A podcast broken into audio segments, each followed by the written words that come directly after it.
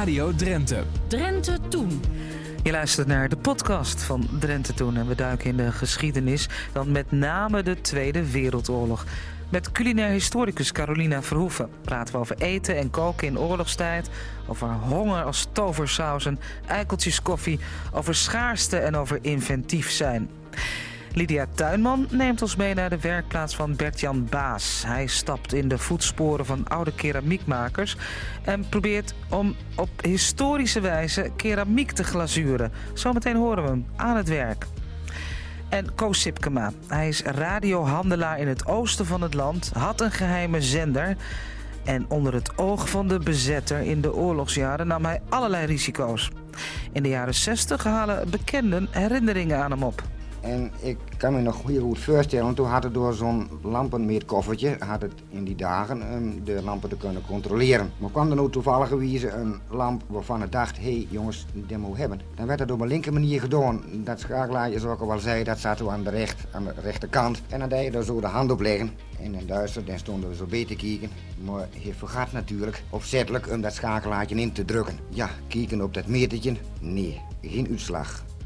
En ook gaan we luisteren naar deel 4 van Drenthe en de bevrijding. Een serie reportages uit 1995 die wij herhalen. Destijds gemaakt omdat het toen 50 jaar geleden was dat Nederland werd bevrijd.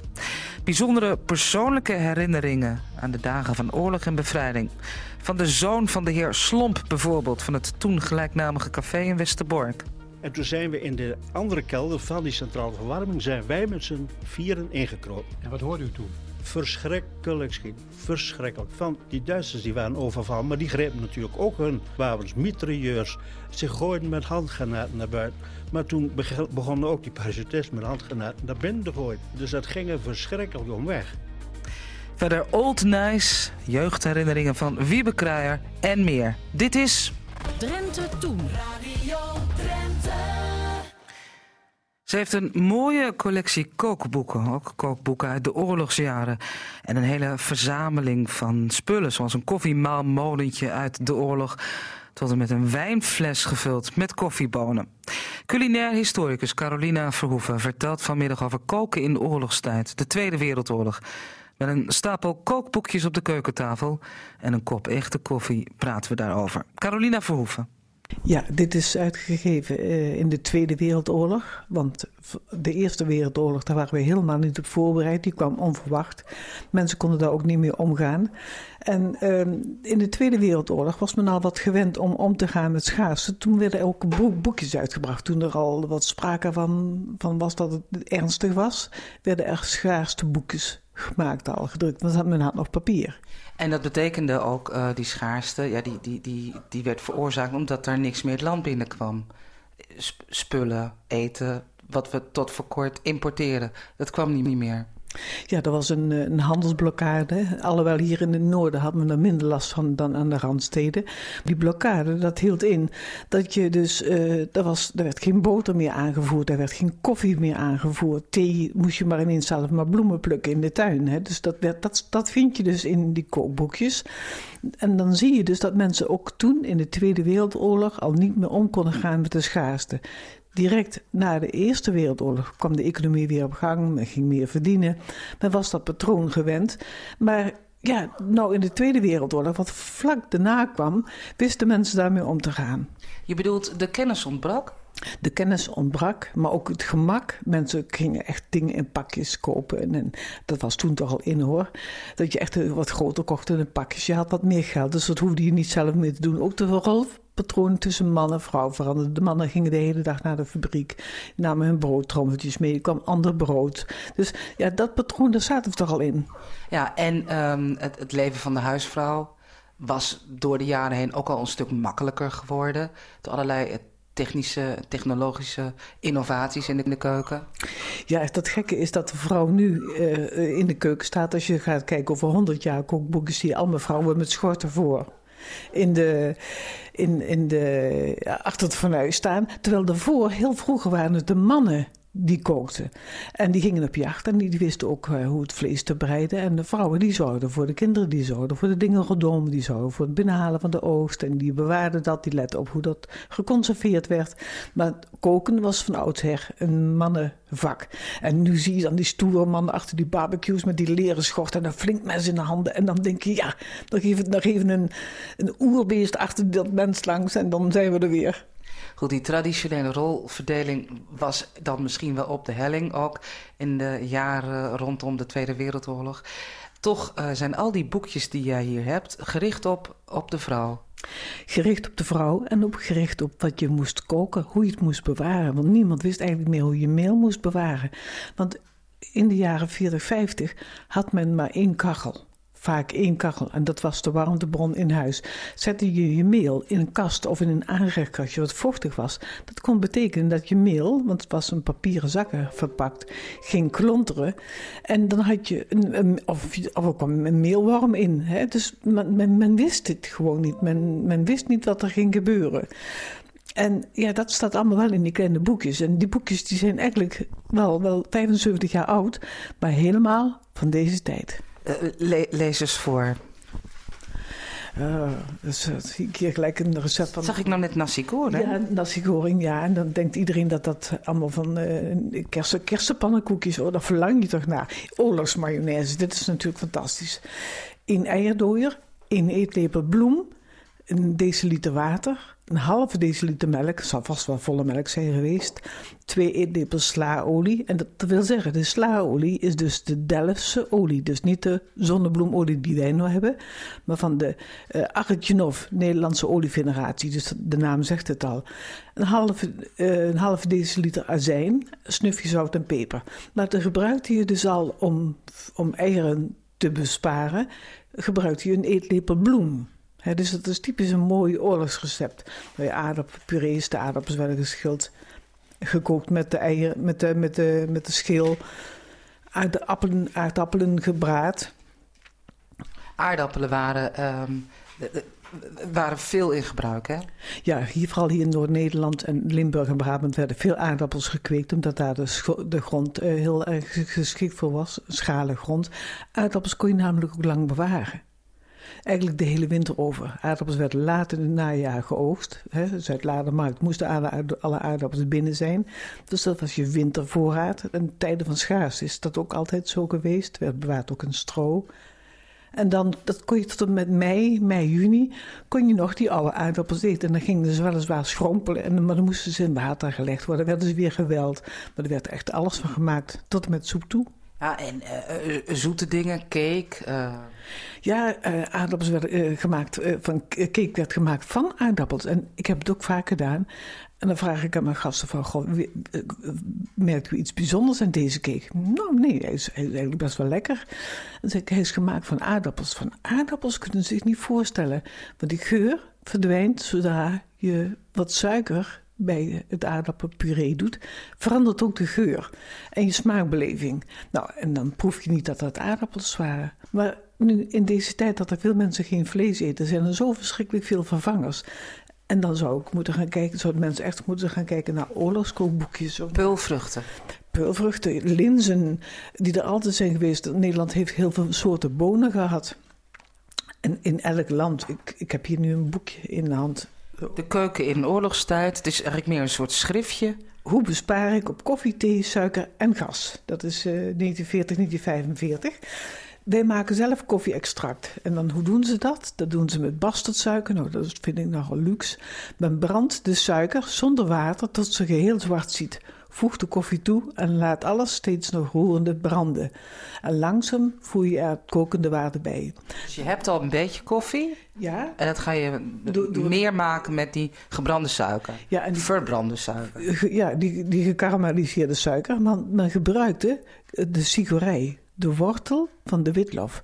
Die werd in blokjes gesneden, die werd geroosterd. En dan krijg je dus die koffiesmaak, de Nama koffie, die koffie die we nu nog hebben. Of de eikeltjes is daar een mooi voorbeeld van. Hoe maakte je eikeltjes koffie? Eikeltjes verzamelen, drogen. En dan ging je ze uh, hakken. Dan ga je ze branden in een koekenpan. Dan ga je ze roosteren. Of vroeger op een koffie brander op het vuur in de ring van de kachel. En dan draaide je steeds rond. En dan kreeg je dus die eikeltjes koffie die nu veel in biologische winkels te koop zijn. Werd toen gewoon thuis gemaakt. Zo zie je ook hoe mensen ehm, toch terugverlangen ook naar dat gewone leven in ongewone omstandigheden. Namelijk het, het kopje koffie. Ja, het bakje troost. Tro koffie is altijd een troost geweest. In elke periode, ook in de oorlogstijd. Het gaf, het gaf een goed verzadigend gevoel. De geur van de koffie herinnert je aan momenten die, die prettig waren. Of altijd met een herinnering. En thee is eigenlijk net zo. Men maakt koffie en thee zelf. Ik heb ook een prachtige fles, wijnfles, gevuld met koffie. Koffiebonen. Met koffiebonen. Want in de oorlogstijd was er, uh, was er genoeg wijn. De, de, Duitse soldaten die dronken nogal wat wijn. En die roofden ook de kelders liggen bij, bij niet voldoende voorraad. Maar wijn lieten ze meestal wel liggen. Wat belangrijk was, was vet. Vet. Ik heb ook wijnflessen gevuld met vet. Maar vet was kostbaar. En koffie. Dus wat hebben mensen gedaan? Die gingen die lege wijnflessen vullen met koffiebonen. Er kwam weer een mooie lode capsule omheen en die werden netjes teruggelegd in die wijnvakken. Nou, en dan zie je niet door dat donkergroene glas dat daar koffiebonen in zitten in plaats van wijn. Dus men had altijd wel een voorraadje koffie in huis. Vet, koffie, belangrijke ingrediënten. En, uh, maar je noemt het net al, wijn. Hoe, hoe zat het met alcohol? Was er ook een soort alternatief circuit ontstaan? Ja, dat werd lekker zelf gestookt. Van alles kun je wijn maken, bijna van bierviltjes. Werd ook gedaan, werd veel gedaan. vooral van, bij het na-oosten van de graan werd het kaf werd bewaard, er werd lekker van gestookt. Die jonge jenever kwam daar vandaan. Wijnen worden er gemaakt. Maar wat wij nu dus als uh, kombucha uh, drankjes drinken... Dat is wat is dat? Kombucha is een gefermenteerde drank, wat, wat eigenlijk nu helemaal weer hip is en in is. En, ik trof vorige week nog een jongeman. Hij zegt: Ja, ik heb het helemaal zelf bedacht hoor. En ik denk: Ja, uh, in de tijd van de Romeinen gebruikte men onderweg al tijdens het marcheren, maakte men een mousserende drank, want dat zat licht alcohol in. Dat maakte je van alles wat je tegenkwam. Dat kan van blaadjes, dat kan van citroenbomenblad, maar dat kan ook van brandnetels, dat kan ook van bloemen. Wat je maar gebruiken wil, wat, je maar, wat als bloem of plant eetbaar is, dat kun je fermenteren. Als je er maar verstand van hebt. En kun je zeggen, het is een beetje uh, uh, zwart-wit gesteld, dat men op het platteland meer verstand had van voedsel bereiden en bewaren dan in de stad? Ja, dat kun je wel stellen. En dat, heeft, dat heeft ook te maken met kennisoverdracht. Wij leven nu in een tijd van, van appjes. Maar zo'n 50 jaar geleden woonden oma in je dorp en je tante en je, en je oom. En die hadden allemaal kennis. En die vertellen, als je toevallig op bezoek was van dit en dat gebruik ik en dat gebruik ik. Dan, dan heb, daar zit zoveel kennis die zo gewoon is. Te gewoon, te alledaags, te algemeen dat je daar niet over praat. En juist die mensen, daar moet, die moet je koesteren, die kennis moet je koesteren. En dan heb je ook nog zoiets als ruimte. Ruimte voor de moestuin, ruimte om dieren te houden. Um, die was er simpelweg in grote steden minder. Ja, dat was, dat was ook zo, maar ook geen behoefte aan. Daar had je vaste markten, veel meer weekmarkten. Dan kon je dus dagelijks naar de markt. Dat was hier dus niet. Maar wat zie je nu in de stad gebeuren, zelfs in grotere dorpen al, dat men de platte daken van fabrieken gaat gebruiken als tuin. Daar worden kassen opgebouwd, daar worden alles, alle ruimtes worden maar benut om uitputting van de aarde tegen te gaan. Nog steeds gooien wij te veel weg. En dat zie je niet alleen in Nederland, dat zie je in de omringende landen ook. Dat men niet zorgvuldig omgaat met het materiaal. Want aardappelschillen, daar kun je prachtige, prachtige jenever van stoken. En dus je, je gooit die niks weg. Je ziet het wel bij eh, de generatie die de oorlog heeft meegemaakt, of uh, de ouders misschien, die het moeilijk vinden om eten weg te gooien, uh, waar ook altijd een voorraadje in huis is? Ja, die gooide niks weg. En in die tijd ben ik ook opgegroeid. Mijn moeder had een klikje macaroni over. En die, dat deed ze de volgende dag. Tussen de middag bakte ze dat op. Dan deed ze dat in een koekpan. Dat klinkt gek, maar ze deed daar een beetje suiker en kaneel overheen. En dat bakte ze. En dat was toch lekker. En als ik dat nu zeg tegen iemand, zeggen ze macaroni met suiker en kaneel. Maar dat was gewoon een delicatesse. Vond ik eigenlijk nog lekkerder dan het eten de dag daarvoor, zoals dat op de klassieke manier werd gemaakt. Maar men, restjes kende men niet, men had alles. Je hebt dus kennis nodig, um, je hebt een zekere spaarzin nodig. Maar ik denk, even terug weer naar die oorlogsjaren, dat je ook uh, creatief moet zijn. Om bijvoorbeeld een verjaardagstaart op tafel te kunnen zetten. Want ook dat soort dingen ging voor heel veel mensen gewoon door. Alleen anders. Ja, dan had je, had je geen taart, dan had je een beschuitje. Beschuit was goedkoop, bakgebakte beschuit, roggebrood. En men maakte er een kuststadpudding op en had je toch een taartje. Maar het is de inventiviteit. En gelukkig zijn die tijden nu ook wel wat veranderd. Dat men denkt aan uh, de, natuurbossen. Dat je veel meer kan buiten plukken. Dat, je, dat er groepen jongeren zijn die zich daarvoor inzetten. Dat je minder, inderdaad minder vlees eet, wat ook heel verstandig is. Dan heb je ook minder, uh, minder nodig. Dat er veel vervangende middelen zijn. Uh, de, toen, zo 50 jaar geleden, als je vegetariër werd, dan kreeg je een plakje gebakken kaas in paneermeel. Dat kreeg je overal, want dat was vegetarisch. Maar kijk eens wat een scala aan gerechten er nu vegetarisch zijn. Heerlijk. Dat is dan uit overtuiging tijdens de oorlogsjaren, uh, tijdens de bezetting. Kan ik me voorstellen dat het vlees ook een luxe product was en minder voorhanden. Ja, ja ik heb afgelopen zondag moest ik een lezing geven en toen vertelde iemand: ja, ik was. Uh, moest gewoon een varken geslacht worden en dan moest de stookpot moest opgekookt worden. We hebben dat varken dat geslacht moest worden in dat rijshout gewikkeld en achter op de fiets vervoerd. En ja hoor, er kwam een kolonne Duitse militairen kwamen daar aan. En inderdaad, ja, dacht hij van, wat kan twee dingen doen? Heel hard wegfietsen, nou dan weten ze dat er wat aan de hand is. En of terugkeren en dan weten ze ook dat er wat aan de hand is. Dus ik heb netjes heel langzaam voorbij gefietst. Het varken hield zich stil, hand opgestoken en ben doorgefietst. Maar dat zijn verhalen die nu weer bovenkomen. Nu ook de radio meer spreekt over oorlog, komen ook die verhalen weer naar boven. Het gaat weer helemaal leven. En herinneringen aan het eten. En dat vind ik zo belangrijk, die herinneringen aan eetmomenten. Want tijden van schaarste zijn er altijd wel geweest, ook ondanks al die oorlogen. Soms was, een, was er een oogst mislukt. dat zie je nu nog met het gilde van uh, Diever. De Sint-Antonius-gilde, die ging in stilte gingen die s'avonds eten brengen bij mensen die een minder ruime beurs eh, hadden. Of een bon dat je naar de kleermaker kon, dat je daar een pak kon laten aanmeten. Het is, het is van alle tijden, het is niet alleen van nu. En dan heb je natuurlijk ook gewoon de ingrediënten die je er graag bij wilt hebben. Ik weet van uh, herinneringscentrum Kamp Westerbork, waar ze een tijdje terug een tentoonstelling hadden over, over eten in het kamp. Dat daar voornamelijk aardappels, wortel en kool uh, gegeten werd. Maar de gevangenen, de mensen die daar uh, opgesloten zaten, zeg maar, ja, die, die konden soms nog pakketjes krijgen. Duurde ook niet lang, maar dan vroegen ze om boter bijvoorbeeld. En en andere zaken om het toch zelf lekker te maken. Ja, en zelfs al had je dat niet meer. Ik heb heel veel kookschriften uit, uit, kampen, hè, uit verschillende kampen. Wat deden mensen?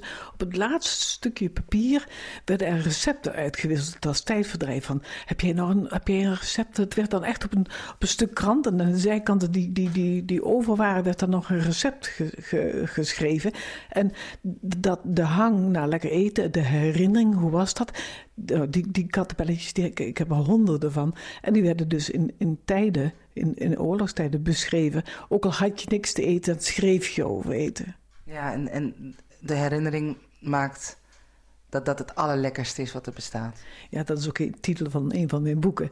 Uh, in, herin, uh, uh, in, herinnering aan een eetmoment en alleen de geur blijft hangen. En dat was ik, wat ik altijd hoorde in het kookmuseum. En dacht ik, ja, waarom zou ik een titel veranderen? Als je ergens bij iemand binnenkomt, dan ruikt het of naar, naar vermicelli soep of naar, naar een, een, een vers gebakken cake. Hè, wat je dus doet als je je huis wil gaat verkopen.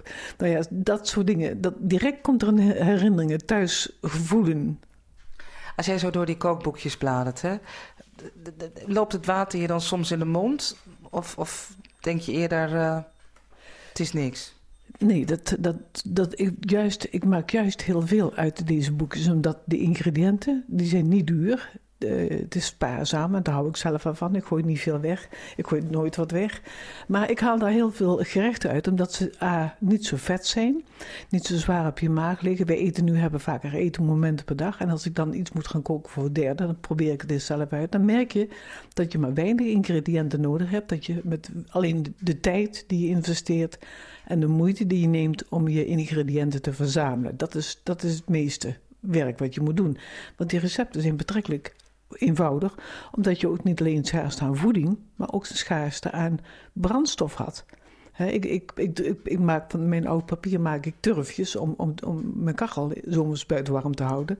Dat doe ik al met belastingpapieren, die pers ik tot een turf. Maar dat deden ze vroeger ook. Carolina, nooit meer oorlog. Maar een beetje besef. Je kunt alles krijgen wat je wil. Aardbeien, het hele jaar door. Ehm, noem het maar op. Een beetje besef van wat schaarste is. Zou dat goed zijn voor een hoop mensen? Ja, het zou heel erg goed zijn voor heel veel mensen. En die tijd is er ook hoor. Ik, ik denk dat we het echt nu niet naar, naar de, de armoede en de negatieve moeten trekken, maar dat er juist jonge mensen zijn die zich heel erg bewust zijn van wat we eten. Dat we niet te veel weggooien. Dat we uh, bewust een keuze maken. Je kunt één ei kopen, je kunt één appel kopen, je kunt één wortel kopen. Alleen het verschil toch tussen de Nederlander en iemand die van buiten Nederland komt is uh, mensen uit Suriname bijvoorbeeld, die knijpen in een banaan of in een kiwi of een avocado of die wel rijp genoeg is. Dat hoeven er maar drie te doen. En zo'n avocado is al bruin. De Nederlander die pakt gewoon, die ruikt niet of die rijp is of klaar is om, te, om gegeten te worden. Dat is het verschil, want die kennis die zijn wij kwijt.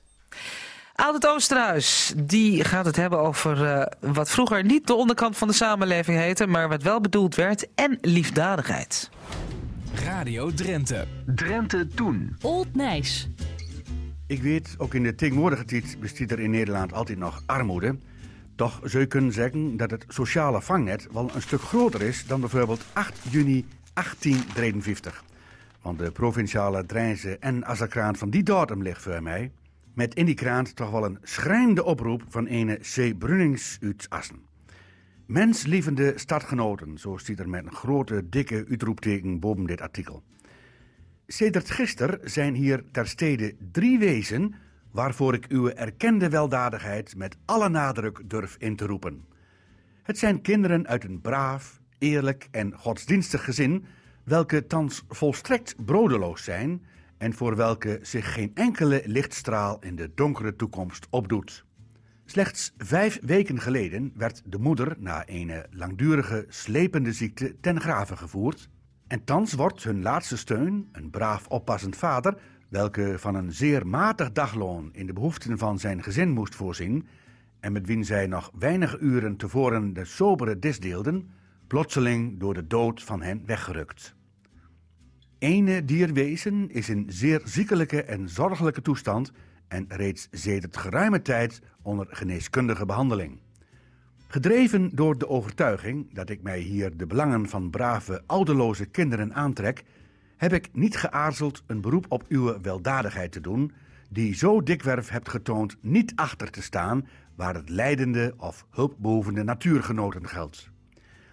Ik vraag slechts ene gift om te voorzien in de dadelijke, onvermijdelijke behoeften opdat zij voor volslagene armoede bewaard blijven. Hij, in wiens handen ons lot is, schenke u het genot dat aan het uitoefenen van weldadigheid onafscheidelijk verbonden is, en de zegen, welke daarvan eenmaal de zekere beloning zal zijn. De ondergetekende, bij wie nadere inlichtingen omtrent dit gezin te bekomen zijn, is bereid de daartoe afgezonderde giften in ontvang te nemen en daarvan openbare melding te doen was getekend Assen 9 juni 1853 C. Brunings. Wat die oproep uiteindelijk opleverd heeft, dat weten wij niet. Maar in diezelfde kraan stiet wel een resultaat van een eerdere oproep. Bij de commissie te Oosterhesselen tot inzameling van liefdegiften voor de ingezetenen van Gees, die de 22e mei jongstleden door brand hun haven hebben verloren, is onder hartelijke dankbetuiging ontvangen van mevrouw L. te Dalen een pakje kledingstukken en van een onbekend persoon te Koevorden acht gulden. De hulpbehoevenden blijven aan de christelijke mensenliefde dringend aanbevolen, schreef A.L. Lesturgion in de Azerkraat van 1853. Zo zie maar, sommige dingen, zoals liefdadigheid, is en blijft van alle tien. Drenthe Toen. Het archief. Rond 1960 zond onze voorloper de Rono een onderwerp uit over de geheime zender van Co Sipkema, radiohandelaar in het oosten van het land. En in de Tweede Wereldoorlog kwam Co op slinkse wijze illegaal aan radiobuizen. Ook bouwde hij een geheime zender. Voor de radiomicrofoon halen bekenden van Co Sipkema herinneringen aan hem op. En toen kwam, en daar willen we eigenlijk het meest over praten, toen kwam de oorlog en om nog eens te belichten wat voor persoon of co eigenlijk was. Uh, Boelie, ik geloof dat iedereen wel wat vertellen kan hoe of Ko toen in, als radiohandelaar in de oorlog opgetreden is. Die heeft ook wel eens wat met de Duitsers te maken gehad, hè? Ja, dat houdt er zeker. Uh, ik weet niet of het belangrijk is, maar in elk geval, uh, dit geval, dat kan ik me nog wel voorstellen. Toen in die dagen toen kwamen er nog wel eens geregeld Duitsers de zogenaamde radiolampen, wat ze vandaag buizen noemt, um die te controleren of ze nog wel goed waren. Maar uh, was ook al een slimme vogel, zoals gezegd. En er waren verschillende buizen bij. En dat waren eigenlijk gezegd, uh, nou ja, courante modellen die geregeld nodig waren voor reparatie van andere toestellen. En die toen in die tijd heel moeilijk te krijgen waren. En ik kan me nog heel goed voorstellen, toen had het door zo'n lampenmeetkoffertje, had het in die dagen um, de lampen te kunnen controleren. Maar kwam er nou toevallig een lamp waarvan het dacht, hé hey, jongens, die moet hebben. Dan werd dat op een linker manier gedaan. Dat schakelaarje, zoals ik al zei, dat zaten we aan de, recht, aan de rechterkant. En dan deed je er zo de hand op leggen. En in Duitser, dan stonden we zo beter kijken. Maar hij vergat natuurlijk opzettelijk om dat schakelaartje in te drukken. Ja, kijken op dat metertje. Nee, geen uitslag. Nou ja, zei ik hoor, dat is kapot. Maar in de kist. En dan had er door zo'n teerkist had er door staan. met kranten en holdwol erin. En daar werd een lamp zo nonchalant mogelijk werd in erin gegooid. Ja, dat is kapot. Echt cool. Ja, ja, met recht. De volgende. Nou ja, ik begreep wel, uh, het kon natuurlijk niet altijd zo wezen en zeggen ze zijn allemaal kapot. Niet waar. Daar bleven er ook wel eens wat goed bij.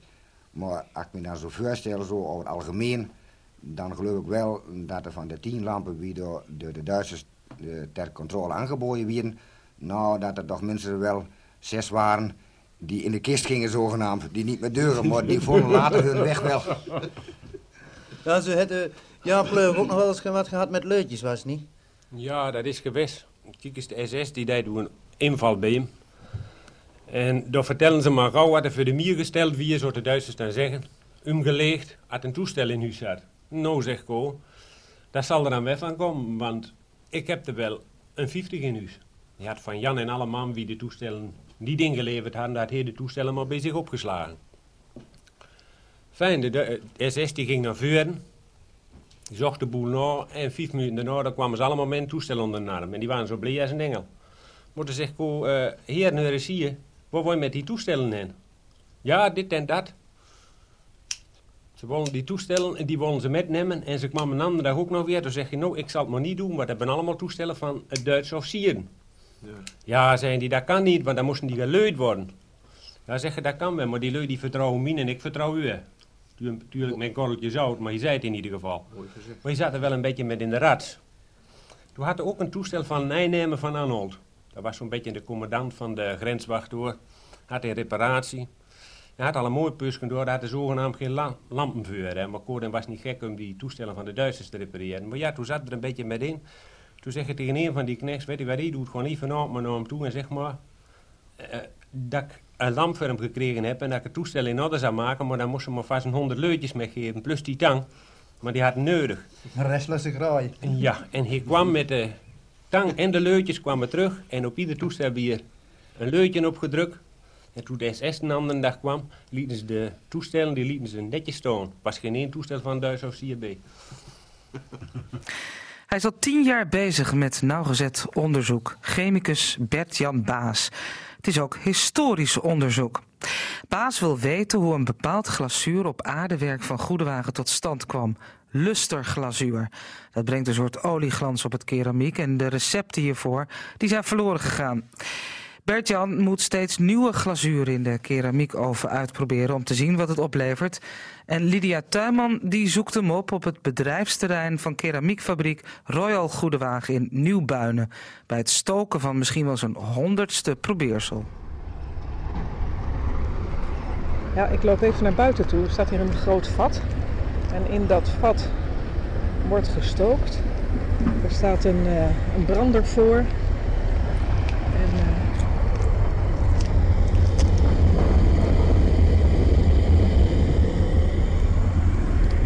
ja, dit moet hier allemaal buiten gebeuren.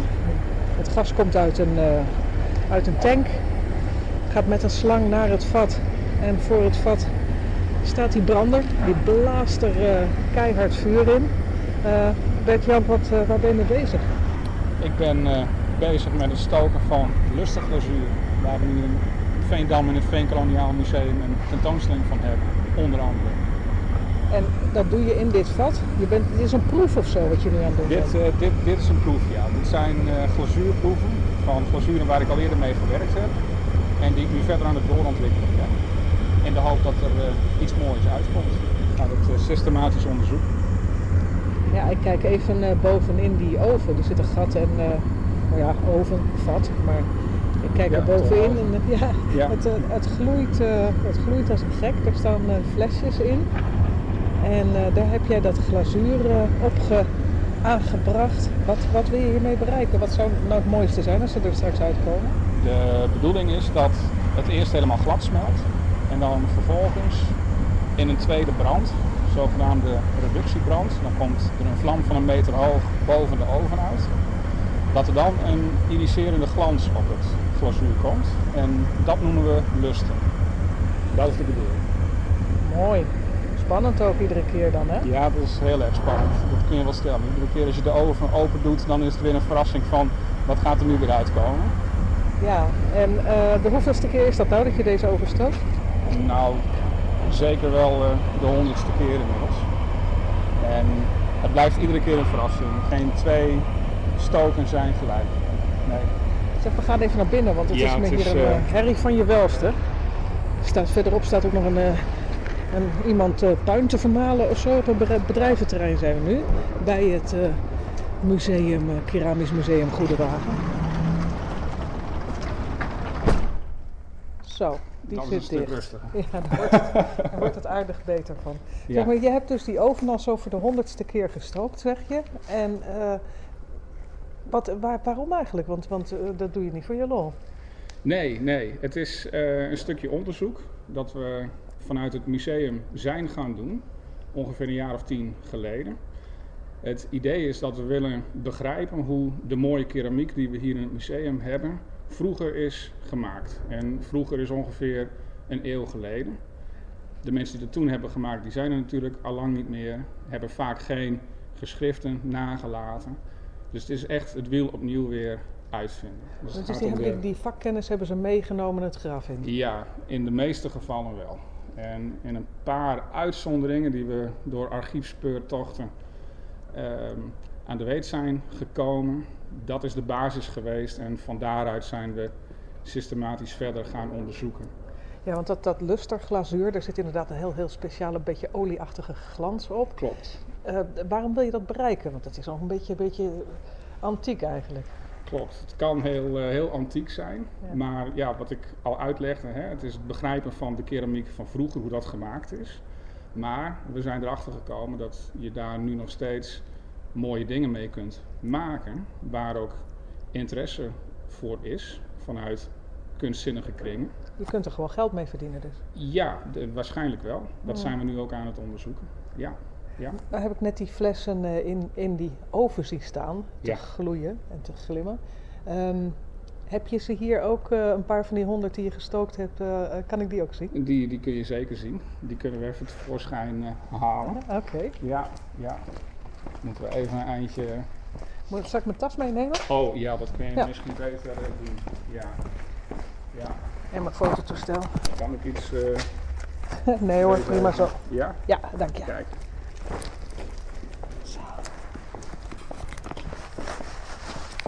Ja, we lopen hier, eh, we lopen hier tussen de stellingen door en op die stellingen staat allemaal ja, keramiek. Hè? Dat moet allerlei dingen die nog geglazuurd moeten worden als ik het zo zie. Dit is eh, grotendeels voorraad, klei, glazuur van eh, de aardewerkfabriek Royal Goedewagen. Wauw. En daar zitten we als museum bij in, het pand. Maar we zijn een afzonderlijke stichting, museumstichting. Deur door. En Nieuwe ruimte met ook weer allemaal houten eh, stellingen met Ja, en- mallen. gipsmallen waar de, de aardewerk in gemaakt wordt. Door gietklei wordt erin gegoten. Oh ja, dat- kijk, dat zijn Ja. die fasen. Ik herken ze, ja. Je ziet het in, eh, in borden, de contravorm. Daar wordt dan klei op geperst en gedroogd. Dan komt het bord los. En dan is in één keer het eh, model klaar. En Het is, eh, het is industrieel, maar nog steeds een heel groot deel handwerk. Ja, mooi hoor. Ja, indrukwekkend. Je luistert naar uur 2 van Drenthe Toen. Met zometeen eh, herinneringen bijna uit eerste hand. eh, uit de oorlogsjaren. Die we horen in reportages die uitgezonden zijn in 1995. Toen het 50 jaar geleden was. Dat werd herdacht dat Nederland werd bevrijd. En natuurlijk een jeugdherinnering van Wiebe Kruijer. Maar we gaan ook nog even weer terug naar Nieuwbuinen, naar Keramisch Museum Goedewagen, waar Bert-Jan Baas achter het geheim van het lusterglazuur probeert te komen. Glazuur dat een olieglans op keramiek brengt en waarvoor geen recepten meer bestaan. Daarom probeert Baas steeds weer nieuwe glazuren uit in de keramiekoven om te zien wat het oplevert. En speciaal voor Drenthe Toen haalt hij nu zijn gelukte, maar ook zijn mislukte experimenten uit de kast. Nou, nu zijn we de zaal binnengelopen waar het, eh, waar het echte werk staat, zeg maar. Ja, Hè? klopt. Eh, hetgene waar jij uiteindelijk dan eh, naartoe wil of wil weten hoe dat gemaakt was ooit. Klopt. Ja, wat, wat, wat zien we hier? Kan je dat... Dit is in het museum de, de historische keramiek die we laten zien.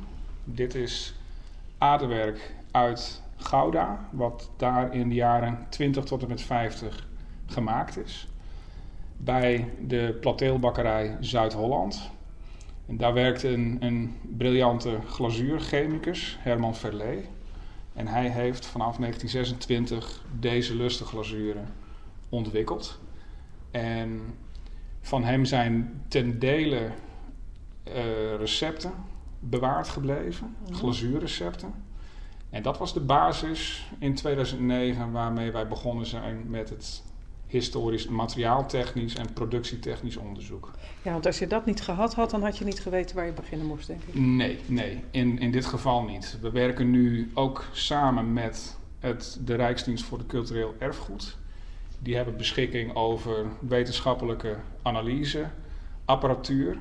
Daarmee kun je ook de chemische samenstelling van een glazuur bepalen. En dan kun je terugredeneren hoe het gemaakt is. Aha. Dat doen we dus ook. De omgekeerde weg. De ja. omgekeerde weg, precies. Ja. precies. Ja. Maar dan moet je zo'n vaas eh, kapot maken. Eh, dat hoeft niet, want er zijn, nee, er zijn gelukkig methodes waarbij dat niet hoeft. Zogenaamde niet-destructieve analysemethodes. Hmm. En dat gaat dan met eh zogenaamd röntgenfluorescentie spectroscopie. Ah ja. En dan kan er het apparaat op een vaas gericht worden en die leest dan als het ware uit wat er in het glazuur zit. Ja, op basis van de terugkaatsing Ja, als het ware. ja, ja, ja. Zeg, en, en deze vaas hier, hè, die heeft allemaal segmenten met verschillende kleuren. Er staan eh, nummer- nummertjes eh, er staan nummertjes op. boven. Ja, dit is een, eh, een proefvaas van Herman Verlee. Die hier geprobeerd heeft om het effect te onderzoeken als je het ene lustig glazuur op het andere aanbrengt. En dat zie je hier ook staan. Hier staat bijvoorbeeld 8 op 38 of 38 op 1125. Ja. Het zijn allemaal combinaties. En door die combinaties te onderzoeken krijg je het beste beeld van de mooiste effecten. En dit was vervolgens input voor de kunstenaars, de schilders, die op de plateelbakkerij Zuid-Holland werkten. Die dan deze fase die je hier ziet, met geschilderde decors, aanbrachten. Waardoor dat je deze hele bijzondere effecten Ja. krijgt. ja, want het is een, een schitterende collectie die hier in deze vitrine staat. Het is echt heel erg mooi. Het zijn een soort bijna pantermotieven. Eh, het doet bijna ja, een soort ehm, biologisch aan, hè? alsof het geleefd heeft Ja, of zo. ja. Hoe, hoe, hoe En kan dat dat? Dat, dat, dat zijn dan net de subtiele effecten die Ja. gezocht zijn. En daarin zit hem ook het meesterschap van zowel Verlee als de schilders waar hij mee werkte, de kunstenaars. Oh. Om dat effect te bereiken. Dat bijna alsof het een, een, een levend materiaal is. Ja, ontzettend bijzonder. Ja. Ehm, wanneer ben je nou klaar met dit onderzoek? Nooit. dat kan ik heel kort in zijn. nee, dit, eh, dit wordt een levenslange zoektocht, eh, ben ik bang. Ja. Ja. Zeg maar, is er niet... ehm, kijk, wij zitten, staan hier nou te kijken naar dit Nederlandse eh, werk, dit Nederlandse lusterglazuur. Eh, is dat ergens ter wereld eh, ook gedaan? En- Zeker, ja. en ja. kun je daar ook van leren? Dat absoluut. Er is ongeveer 100 jaar terug in Europa een opleving van de lusterglazuurtraditie geweest. Onder keramisch kunstenaars. Maar de techniek gaat al veel verder terug. Uiteindelijk naar de 8e eeuw na Christus. In Egypte en eh Fustat, wat bij, eh, bij Bagdad ligt. En daar zijn de eerste lusterglazuren ontwikkeld. En vervolgens is dat met de verspreiding van het islamitisch cultuurgebied is dat Noord-Afrika, Spanje ingetrokken, is overgeslagen naar Italië en van daaruit in de 16e eeuw verder naar het noorden. En uiteindelijk bijna ehm, een, een, een, een, een dood gestorven in de 17e, 18e eeuw. Maar in de 19e eeuw is het weer herontdekt. En die periode interesseert ons hier in het museum het meest. Ja. En dat is ook wat je hier dan eh, het resultaat van ziet. Dus het is een hele oude historische techniek. Ja, ik heb ook zo in, in de verte een beeld dat ik dat misschien wel in een moskee gezien kan hebben. Ja, Dit klopt. Op, op tegels. Klopt. Op Ja. tegels met name eh, moskeeën, Ja. paleizen. Daar werd het toegepast. En het was ook een uitermate kostbare techniek. De meest kostbare decoratietechniek voor keramiek. Ja. Dus vandaar dat je het eh, zeker in het eh, islamitisch cultuurgebied eigenlijk uitsluitend op, op dergelijke gebouwen ziet. Ja, ja. En, en eh, wat maakt het zo duur? Wat zit erin? Er zitten edele metalen in, maar uiteindelijk is de, de, de, de kleine kans op succes, zeker voor de pottenbakkers toen, was ongeveer, en er zijn geschriften die, die beschrijven dat ongeveer 6% goed uit de oven kwam. Dus dan kun je je voorstellen wat voor een berg keramiek gemaakt moet zijn, uiteindelijk voor het kleine beetje wat goed lukte. Ja. Dus het kon eigenlijk alleen door rijke koningen of, of adel gesubsidieerd. Destijds kon dat gemaakt worden. Ja. Ik, eh, ik ben nou een beetje zenuwachtig over dat oventje van jou daarbuiten. Moet, moet je daar niet nou weer heen? Ja, dan moet ik eigenlijk wel nodig weer een keer eh, naartoe om te kijken hoe het gaat, want hij moet niet te heet worden. Nee, nee, dat, dat zou wel heel jammer zijn. Dus nou, dan doen we dat even. Want ik, ik wil toch ook nog even kijken in de museumopstelling Ja. naar, naar de oude lusters. Ja, maar dan gaan we eerst even nog naar je, naar ja, je oventje. is goed. Ja. ja.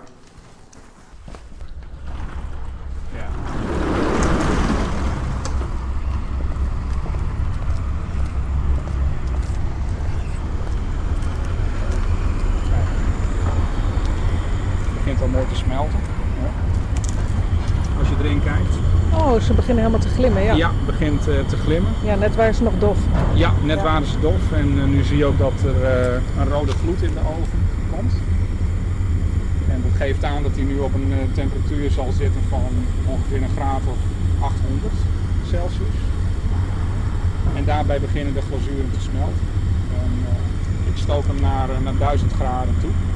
Waar heb je de thermometer zitten? Die De thermometer zit hier op de zijkant, of eh pyrometer zoals het heet, voor een eh, keramische oven.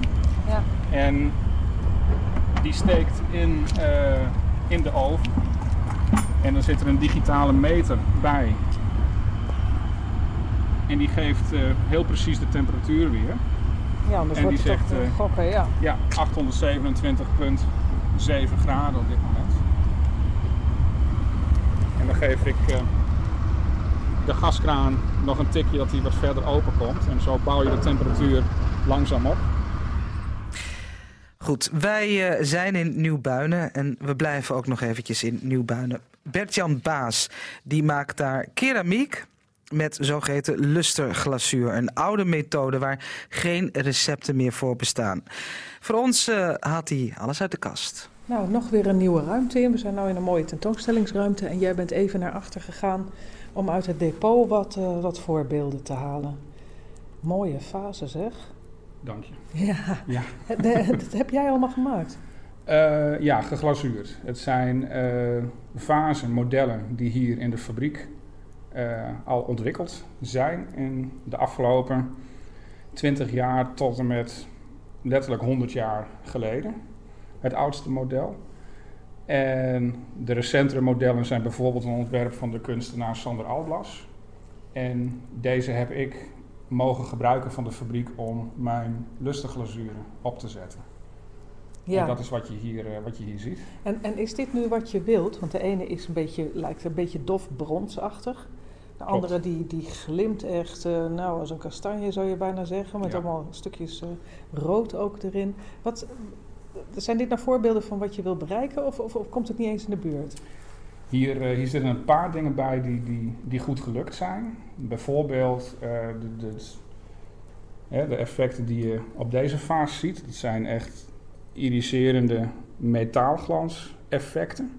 Ja, maar heel, Wat heel bescheiden, hè? Heel... Ja, klopt. Niet schreeuwerig. Nee, nee want het is uh, met deze glazuren makkelijk om een heel overdreven luster erop te krijgen. Ja, een soort kermiseffect. Een soort ker ja. ja. precies. Of een kerstbal uh, glimmend effect. Maar de, de clue is nou juist dat je die esthetische verfijning bereikt. Ja. Van de juiste glans, de juiste irisatie en dan het liefst ingetogen.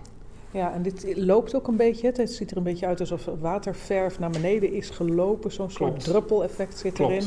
Ja. Dat is ook iets wat jij wilde. Dat is ook iets waar je mee kunt, uh, kunt spelen als pottenbakker of glazuurder in dit geval. En dat roept dan, of is de kans dat dat bijzondere effecten oproept. En wanneer je een glazuur nou helemaal goed in de vingers hebt, dan weet je als ik het zo laat lopen of het zo dik aanbreng of precies daar in de oven zet, dan komt het er precies op de goede subtiele manier het luster naar voren. Ja, en, en deze vaas die je nu in je handen hebt, zo'n 30 centimeter hoog, een, uh, een heel eenvoudig model eigenlijk, maar het glazuur maakt dat het een heel intrigerend, heel spannend ding is geworden. Ja, dank je. Dat is mooi dat je dat zegt, want dat is ook precies de bedoeling. Je, je wilt dit soort glazuren niet op vormen zetten die heel druk zijn. En als je daar, daarbovenop nog weer, hè, hoe subtiel ook, een lustig glazuur met veel irisaties zet, dan wordt het veel te druk. Ja. Ja. Ja. ja en dit, dit mooie, dit rood met, met toch ook een toets van groen er doorheen en, en goudachtig. Ja, heel, heel uh, prachtig. Wat was dat voor gevoel toen je deze uit de oven haalde? Ja, dat, je kunt bij, bij dit soort stukken echt een, echt een Eureka-gevoel krijgen. Ja, dat is echt, uh, echt geweldig. Ja. En je verwacht natuurlijk wel, wel iets. En soms dan uh, komt het precies overeen en soms ook niet. Maar het leukste zijn juist die dingen van een glazuur waarvan je een verwachting hebt. En dat het dan eigenlijk nog mooier eruit komt omdat iets totaal onverwachts is. En dan is het meteen weer, oh jee, de schrik wat als maar dit maar één keer lukt en nooit weer. Dus dan is het de volgende keer stoken meteen dat bijzondere effect weer proberen te vinden. Ja, en alles documenteren natuurlijk. Je moet alles opschrijven ja, klopt, wat je doet. Klopt, ja. klopt. Dus ik hou ook een heel uitvoerig logboek bij. Ik ben zelf ook, ook chemicus, dus dat ben ik wel gewend. Maar ja, dat zijn de kleinste variabelen. Zelfs ik noteer als ik ben buiten met een oven aan het stoken, uh, waait het hard of niet. Is het ja. regenachtig, is het mistig, is het warm of koud? Dat, ook dat soort effecten. Dus je kunt nooit 100% reproduceren. En dat is ook het, juist het leuke. Het zijn uiteindelijk allemaal unica. Maar nou heb jij er buiten dan zo'n klein uh, proefoventje, zo'n proefopstelling staan. Dit, moet natuurlijk op een gegeven moment in productie genomen kunnen worden. Dan, ja, moet dat... je, dan moet je naar binnen, dan moet je nog een keer gaan uitproberen. Klopt, klopt. De ene oven is de andere niet. En we hebben nu ideeën om met grotere ovens aan de slag te gaan.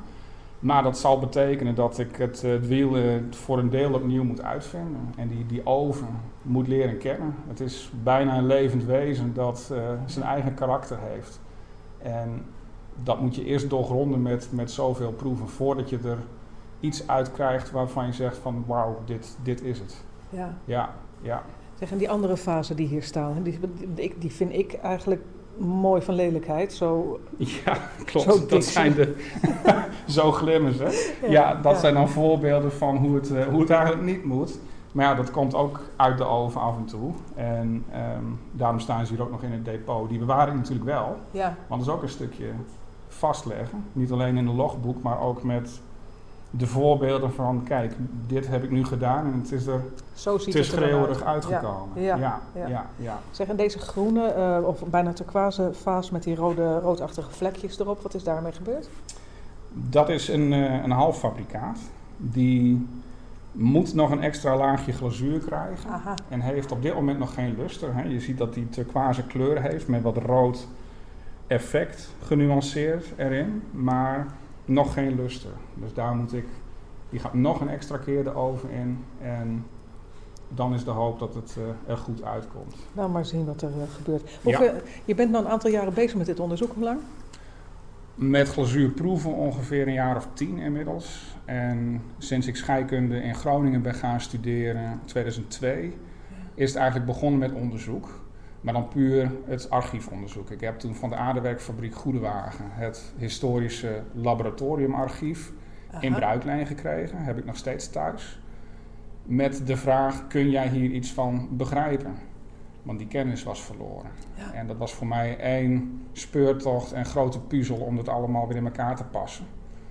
En eh, toen is het eigenlijk eh, begonnen. En Ja, je bent wel een eh, doorbijtertje eigenlijk, hè? Want het, het Ja, lijkt me dat- monniken, het lijkt me monniken, het, is, het is monnikenwerk, het werk. Het is soms heel erg frustrerend, want ja, dan, dan... Archieven zijn vaak niet compleet. En ja, dan... Soms wou je dat er iets opgeschreven is en dan staat het er net weer niet. Maar ja, dat is aan de andere kant weer iets wat je dan zelf kunt gaan onderzoeken. En dat maakt het juist ook eigenlijk weer spannend.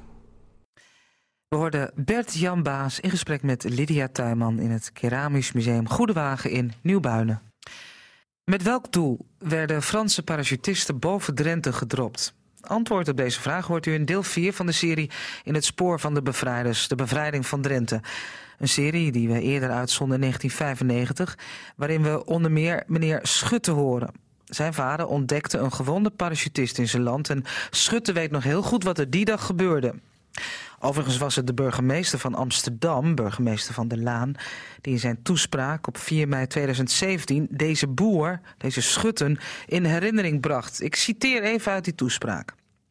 De Drentse boer Schutten, die de regeringscourier Beste Breurtje op zijn land vond, die was s'nachts uit een Engels vliegtuig gesprongen met een geheime missie, maar had bij de landing zijn been gebroken. Een verslaggever interviewde boer Schutten jaren later. Wat ging er door u heen die vroege morgen toen u beste breurtje in uw weiland zag liggen? Ik wou dat hij daar niet gelegen had, zei de boer, maar toen hij er lag, lag hij er voor mij. We horen dus de zoon van deze Schutten. We horen ook de heer Dolving en we horen de zoon van caféhouder Slomp over het gevecht bij café Slomp toen in Westerbork. De reportage is gemaakt door journalist Egbert van der Veen, die vorig jaar is overleden, en historicus Michiel Gerding, en dus eerder uitgezonden in 1995. Hier is herrijzend Nederland. Landgenoten, thans is het ogenblik gekomen waarop wij u het definitieve einde van de oorlog in Europa kunnen aankondigen. Mannen en vrouwen van Nederland. Van Vlaanderen is de vijand. Van oost tot west. Van zuid tot noord. Luisteraars, blijft aan uw toestel. Luisteraars, blijft aan uw toestel.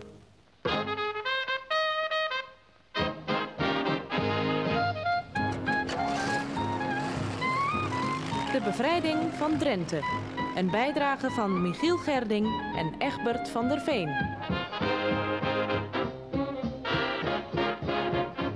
Het is deze dagen 50 jaar geleden dat vanuit 50 vliegtuigen zo'n 700 Franse parachutisten boven Drenthe zijn afgeworpen. Om precies te zijn in de nacht van zaterdag 7 op zondag 8 april 1945. Ik sta hier naast de provinciaal historicus van Drenthe, Dr. Anders Scherding. Wat beoogden de geallieerden, de bevrijders eigenlijk, met deze parachutisten boven Drenthe te droppen?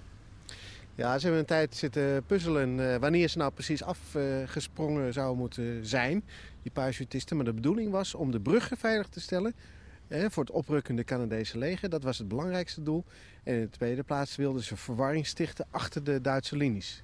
En bedoel je met het eh, veiligstellen van de burger dat voorkomen zou moeten worden dat ze werden opgeblazen? Ja, er was natuurlijk grote kans dat ze werden opgeblazen. Dat is natuurlijk ook gebeurd in een groot aantal gevallen. En eh, het doel was om die, die bruggen ongeschonden in handen te krijgen. Dat zou natuurlijk de opmars enorm vergemakkelijken. Het was overigens de bedoeling dat ze met jeeps en alles eh, eh, zouden landen. Hè?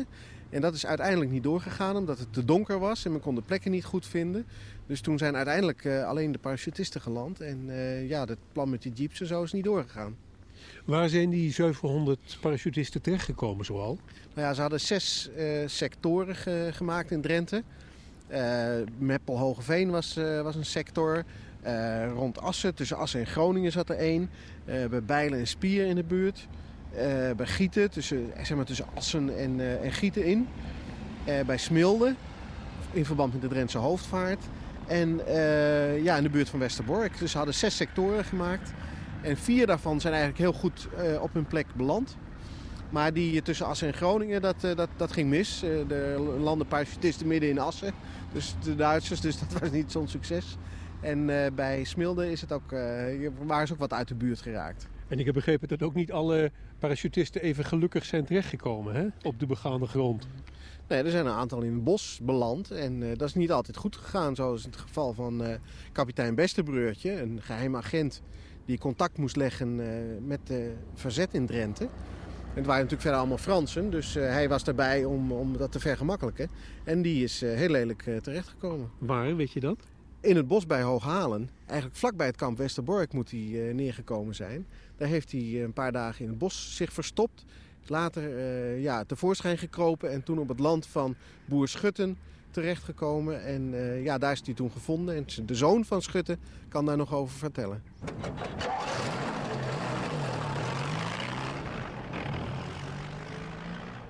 Op zondagmorgen, 8 april, kwam onze buurman John Lever kwam bij mijn vader. En die heeft hem een boodschap gebracht. Ik als jongen eh, werd niet gewaar wat. Maar wij zijn als familie op weg naar de kerk gegaan. Later bleek dat onze buurman het wachtwoord gebracht had van de ondergrondse. Het wachtwoord tussen de ondergrondse en, en, het, eh, de neerkomende parachutisten. En die wist mijn vader dus. En die heeft hij dus later kunnen gebruiken. Weet u hoe dat wachtwoord luidde? Later gehoord? Dat, dat is Utrecht. Het wachtwoord Utrecht. En toen, het hele verhaal voordat, voordat we zover zijn. Maar op woensdag 10 april, 11 april, heeft mijn broer, toen hij op het land aan het werk was, eh, geluid gehoord. Ergens in een, in een, een schuilplaats voor een, voor een veulen. En hij ging kijken wat hij hoorde. En toen bleek dat daar een militair lag. En dat bleek dus later Bestebeurtje te zijn. En toen is mijn vader heen gegaan met voedsel en met drinken enzovoorts. En het eerste wat hij hem vroeg van het wachtwoord. Toen zei hij, ik heb een Frans wachtwoord. Daar heb ik niks aan moeten. Nederlandse wachtwoord. Je wist nooit of het, of het een Canadees was, want die kennen we niet. Of een Duitser. En eh, toen bleek dan dat het Utrecht was. En eh, toen waren ze vanaf dat moment vrienden. Dat zei hij ook, Utrecht. Ja, ja, ja dat zei hij ook, ja. En toen, eh, want daar lag die man, en hem is eten en drinken gebracht. Eh, maar toen? Toen hebben ze een afspraak gemaakt dat hij de andere dag weer zou komen met eten en drinken. En dat hij maatregelen zou nemen zodat ze hem op konden halen en naar huis brengen. En toen hebben ze hem s- andere dag morgen, bleek later de, onze bevrijdingsdag te zijn, s morgens vroeg, opgehaald. Dit was een dag eerder. Dat is de woensdag hebben ze hem opgehaald. En hier thuis eh, op, op, op kamer opgeborgen, weggestopt. Want lopen kon hij niet, wat mankeerde er aan? Hij had zijn voet in zijn enkel, beneden zijn enkel op zeven plaatsen gebroken. Dus eh, lopen was er niet meer bij. Dat is erg, eh, erg pijn, veel pijn in zijn been, dus het was niet meer mogelijk om te lopen. Hij heeft, daarvoor had hij al misschien wel al anderhalf kilometer gekropen om die plaats te vinden, om weg te komen van de plaats waar ze neergekomen waren. En zo zijn we dus met hem in contact gekomen. Hoe lang is hij hier gebleven? Hij is die woensdag hier gekomen. Die donderdag zijn we bevrijd, donderdag 12 april, op zijn verjaardag. Dat was helemaal een, eh, een bijkomende eh, onderwerp wat hem niet aansprak op dat moment. Het enige wat hem aansprak was vrijheid en een ziekenhuis. Dus toen is hij met een vliegtuig van een leger wat, eh, wat hier gekomen was, is hij naar Eindhoven gegaan. En van Eindhoven, of Nijmegen denk ik, Nijmegen toen naar, eh, later naar Amerika. Hoe kwam een Nederlandse kapitein eigenlijk tussen die Franse parachutisten terecht? Weet u dat? Zijn doel was om, om de contact te leggen met de ondergrondse. De verbinding tussen ondergronds en leger, dat waar hij voor aangesteld. Hij was een SAS-officier, dus eh, dat was zijn taak. En daar hadden ze een Nederlander voor uitgekozen? Omdat hij Nederlands sprak, en hebben ze ook Nederland uitgekozen, ja. Daarvoor was hij al, uh, ook hetzelfde had hij al gedaan in Nijmegen. Ook hetzelfde, dezelfde taak, de verbinding leggen tussen de ondergrondse en uh, het leger. Hebt u ooit nog weer contact met die kapitein Bestebeurtje gehad? Hij heeft heel veel contact met ons gehad, misschien is het net andersom. Want als je boer, dan, dan, dan woon je op je vaste plaats. En hij als militair, toen hij weer gezond was, zwierf door heel Europa. Was verbonden aan de generale staf in Haag. En later in, in Parijs aan, aan Fontainebleau. Dus zwierf over de hele wereld en kwam ook dus hier vaak terecht. Ja. En ik, denk dat, ik denk dat wat hij hier meegemaakt heeft... Uh, erg belangrijk voor hem geweest is. Hij heeft namelijk ook een omkeer in zijn leven gebracht. En dat is denk ik de reden geweest voor hem om toch vaak weer terug te komen hier. Waar woonde hij? Waar is hij gebleven? Hij woonde toen in New York. Is na die tijd tot andere gedachten gekomen. Heeft een jaar of tien na de oorlog, denk ik, is hij dominee geworden in Amerika. En heeft zich daar dus uh, als dominee uh, lange tijd uh, dienst gedaan. En ook in die periode heb u wel contact met hem gehad, of hij met, hij met u? Toen hij dominee werd, iets minder frequent als, als daarvoor. Omdat als je dominee ben je ook vaak aan je plek gebonden. Ben je net een boer. En hoe is het nu met hem, met deze kapitein Bestebeurtje? Helaas is hij in 1983 met schaatsen met een vriend van hem verdronken in een wak gereden in Amerika. En zei ze, is hij verdronken, zijn vriend niet. Dus sinds 83 is hij overleden. Uit de Drentse kroniek van het bevrijdingsjaar. In de gemeente Smilde dalen parachutisten in het veld ten oosten van de Veenhoop en ten zuiden van Oranje. Eén hunner breekt een been en wordt bij een boer verpleegd. Een ander, vermoedelijk sergeant Jaco Ragnazzi, valt op het landgoed Killot in het water en verdrinkt. Van de parachutisten die bij Schipborg in het Kniphorstbos zijn afgeworpen... worden een twintigtal gevangen genomen, daar hun verblijf al daar verraden is. Vroeg in de morgen duiken plotseling plusminus 60 parachutisten op... bij de woning van boswachter Pronk te Gasselte. Vragen koffie en inlichtingen over de situatie te Gasselte. Michiel Gerding was het uh, geven van inlichtingen aan de pas uh, landen afgesprongen parachutisten niet erg riskant? Ja, dat was in een aantal gevallen zeker riskant. Er was bijvoorbeeld een groep die zat in uh, parachutisten die zat in Spaarbank Bos bij Hogeveen. En uh, ja, daar kwamen terugtrekkende Duitse troepen uh, en moesten ze vluchten. En als represaille hebben de Duitsers toen een groep mensen uit Hogeveen en omgeving die daar in de buurt waren, opgepakt en, en weggevoerd. Hoeveel waren dat? Hè? Dat waren er 21 en die zijn toen in de richting van Bijlen zijn ze weggevoerd. En onderweg op de grens van Bijlen en, en Ruinen zijn er al een zestal gefusilleerd door de Duitsers. En toen is die groep, de rest van de groep is doorgetrokken. Die heeft nog enige tijd halt gehouden in Spier. Daar hebben ze bij de Smit opgesloten gezeten. Hebben ze nog gegeten. Toen zijn ze weer in de richting van Bijlen verder getrokken. En even benoorden Spier zijn ze alle 15 neergeschoten. Is daar nog iets van te zien? Daar is nog een heel klein monumentje. eigenlijk tussen de snelweg en de oude weg naar Bijlen. En dat is al een aantal keer verplaatst in verband met de aanleg van de snelweg. En daar raast nu dagelijks het verkeer langs. Zonder in de gaten te hebben wat voor afschuwelijke zaken daar uh, 50 jaar geleden zich hebben voltrokken. Ja, daar heeft de, mobilist, automobilist geen weet van. Zijn er meer boeren geweest dan uh, boer Schutten... die op een of andere manier in aanraking kwamen met uh, de zojuist gelande parachutisten? Zeker, dat speelt zich ook af in Spier. Daar is een groep geland die heeft daar erg succesvol geopereerd. En die heeft als eerste in de nacht van 7 op 8 april aan de deur geklopt bij, uh, bij Dolfing.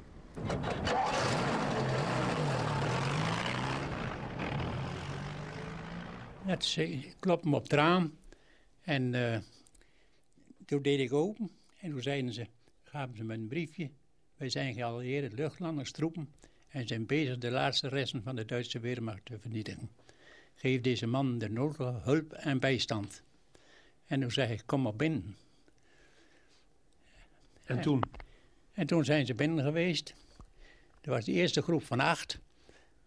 En toen maakten ze zwart met schoenpoets. En er zat een boerderij hier vlakbij. Daar zaten de Duitsers in. En daar gingen ze afluisteren. Vanuit uw woning? Ja. En toen zijn ze het wald, zeiden ze, de boor zijn. En toen kwam er een nieuwe groep van acht man. En die hebben net zo gedaan. Wat voor taal sprak u eigenlijk uh, met deze parachutisten? Want het waren Fransen, hè? Nederlands. Maar uh, ik kon er niks van bestaan, hoor. Het waren Fransen. Nee, Maar U hebt dus eigenlijk niet met elkaar echt kunnen praten? nee, nee. Die nacht? Nee hoor. En ik kende ook geen Frans. Dus nee, dat kon niet. Maar eh, een beetje gebarentaal, hè.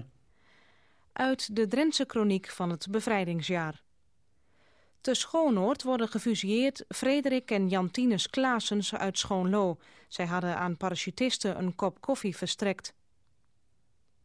Parachutisten blazen de 25 meter hoge ijzeren brandtoren in de boswachterij Schoonlo op. De groep parachutisten in het bos van de Berkenheuvel arresteert de NSB-burgemeester van Diever, P.O. Postumus, en bindt hem in het bos aan een boom. Vier parachutisten besluipen de Veenhoopsbrug in Smilde en de brug over de Witte Wijk. Er ontstaat een gevecht waarbij één Duitser sneuvelt en drie krijgsgevangen worden gemaakt. Met behulp van burgers worden de springladingen, 24 stuks, onder de bruggen vandaan gehaald, waarna de Fransen zich weer terugtrekken. Michiel Gerding, hebben de Franse parachutisten die in Drenthe zijn geland nou eh, ook wezenlijke resultaten geboekt? Ah, het is heel wisselend. Eh, Een aantal groepen die hebben niet zoveel bereikt. Ook omdat de bruggen die ze in, in, eh, veilig moesten stellen, dat die al waren eh, ontploft of eh, Opgeblazen. opgeblazen. Dus daar niet. Maar bijvoorbeeld bij Spier is het toch vrij succesvol geweest. Want daar hebben ze een hele tijd allerlei Duitse kolonnes beschoten en tegengehouden. Dus daar heeft het gewerkt. En ook overigens in de provincie kom je nogal wat gevallen van eh, het doodschieten van, van Duitsers tegen. Hè? Ja, ze hebben natuurlijk toch nog wel wat voor wat onrust gezorgd onder de Duitse troepen. Maar ja, ze hadden natuurlijk niet zoveel vervoer, omdat die jeeps die, die waren niet gekomen. En eh, dus eh, ze waren wat beperkt. Maar ook bij Westerbork hebben ze vrij succesvol eh, actie gevoerd. Ze hebben bij Orvelte een brug eh, veilig kunnen stellen. En van daaruit zijn ze naar eh, Westerbork gegaan, waar in Café Slomp een Duits hoofdkwartier gevestigd wordt. En de caféhouder, Slomp, of de zoon daarvan, die heeft dat allemaal meegemaakt.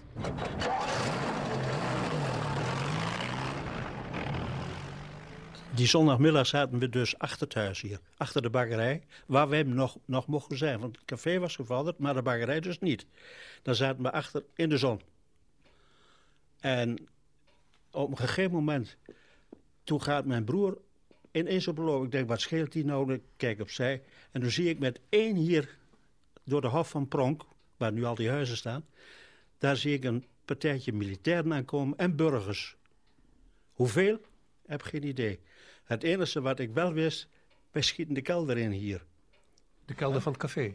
Ja, dat was eigenlijk de kelder van het café, maar waar de centrale verwarming stond. Dus waar wij moesten zorgen dat het zaakje voor die Duitsers warm bleef. Wij moesten dus die, in die kelder zijn. En die deur die stond open. En toen wij daarin gingen met z'n vieren... toen schoten ze al door de ramen van die kleedkamers. En door die deur. Want dat, dat heeft er nog lang in gezeten, vrouw. Hè? Die, eh, dat gaat in die muur.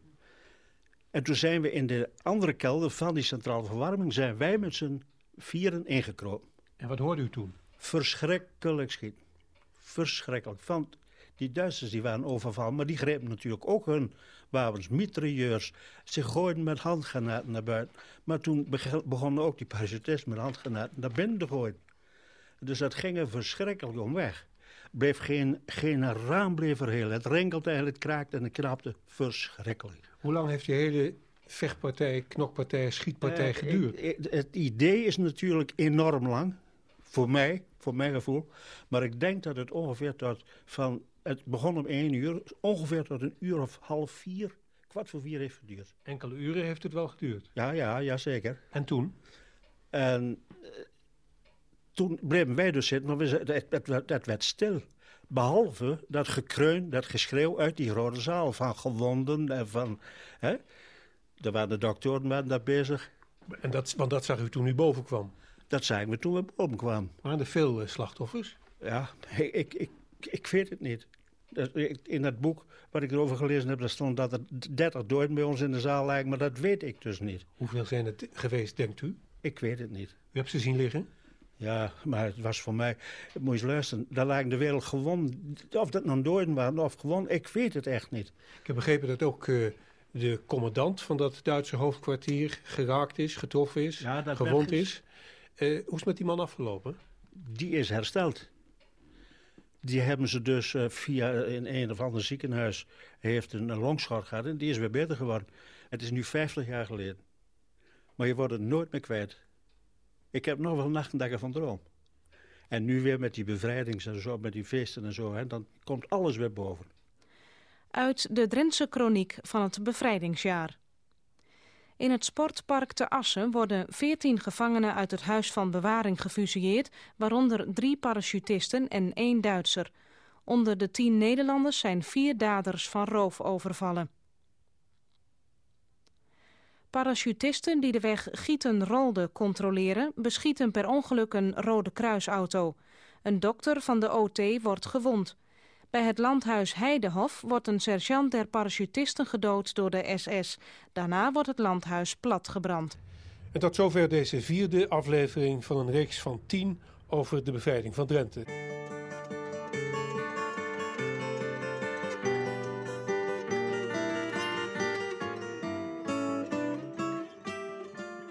Volgens overlevering had mijn vader twee varkens van elk ongeveer 250 pond. Het juiste gewicht om als baconvarkens naar Engeland geëxporteerd te worden. Er was echter één enorm probleem. De markt stagneerde en geen varkenshandelaar had belangstelling voor de dier. Met het verstrijken van de tijd werden de varkens steeds zwaarder en daarom voor de export naar Engeland ook niet meer geschikt. Daar ook het voer begon op te raken, bleef er uiteindelijk maar één mogelijkheid over namelijk de varkens te slachten. Hij heeft nog getracht één varken op de markt te verkopen, maar de geboden prijs was, zoals Willem nog weet, 5 cent per pond. Een prijs zo laag dat hij besloot beide varkens, elk met een gewicht van inmiddels tegen de 500 pond, voor eigen gebruik te slachten. Zo ontstond er voor ons gezin een overvloed aan vlees, spek en worst. Maar er was nauwelijks geld om de huisslachter, Abel Zwaving uit Eelde, te betalen. Het te veel aan biggen, want ook daar was geen belangstelling voor, werd in het Paterswolse meer verdronken. Het castreren van de beertjes deed mijn vader ook zelf. Hij zal er beslist geen geld voor hebben gehad, om dit door een veearts onder verdoving te laten doen. Ik weet nog dat hij daar een apart scheermes voor had, waar ik natuurlijk altijd bij de buurt moest blijven.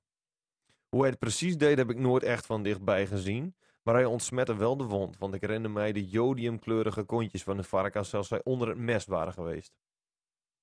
Van deze slechte economische situatie ben ik mij in die tijd natuurlijk en gelukkig niet bewust geweest.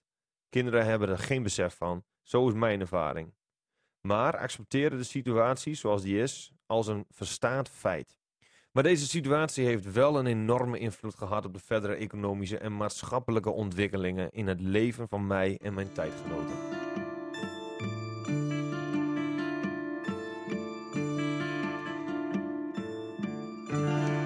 Je luisterde naar de podcast van Drenthe Toen. Vond je het leuk? Geef ons dan eens een mooie beoordeling. Zoveel mogelijk sterretjes als het ons ligt. En luister ook eens naar onze andere podcasts. Die van Cassata of de Sportcast.